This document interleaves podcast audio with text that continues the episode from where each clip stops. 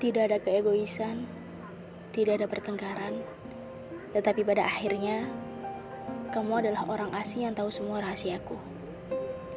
Percayalah, aku telah menghabiskan banyak hari untuk mengerti alasan mengapa kamu pergi.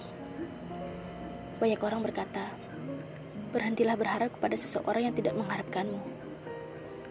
Tetapi, aku masih berharap. Berharap bahwa masih ada namaku di setiap bait doamu. Sebab, namamu masih ada di setiap sujudku.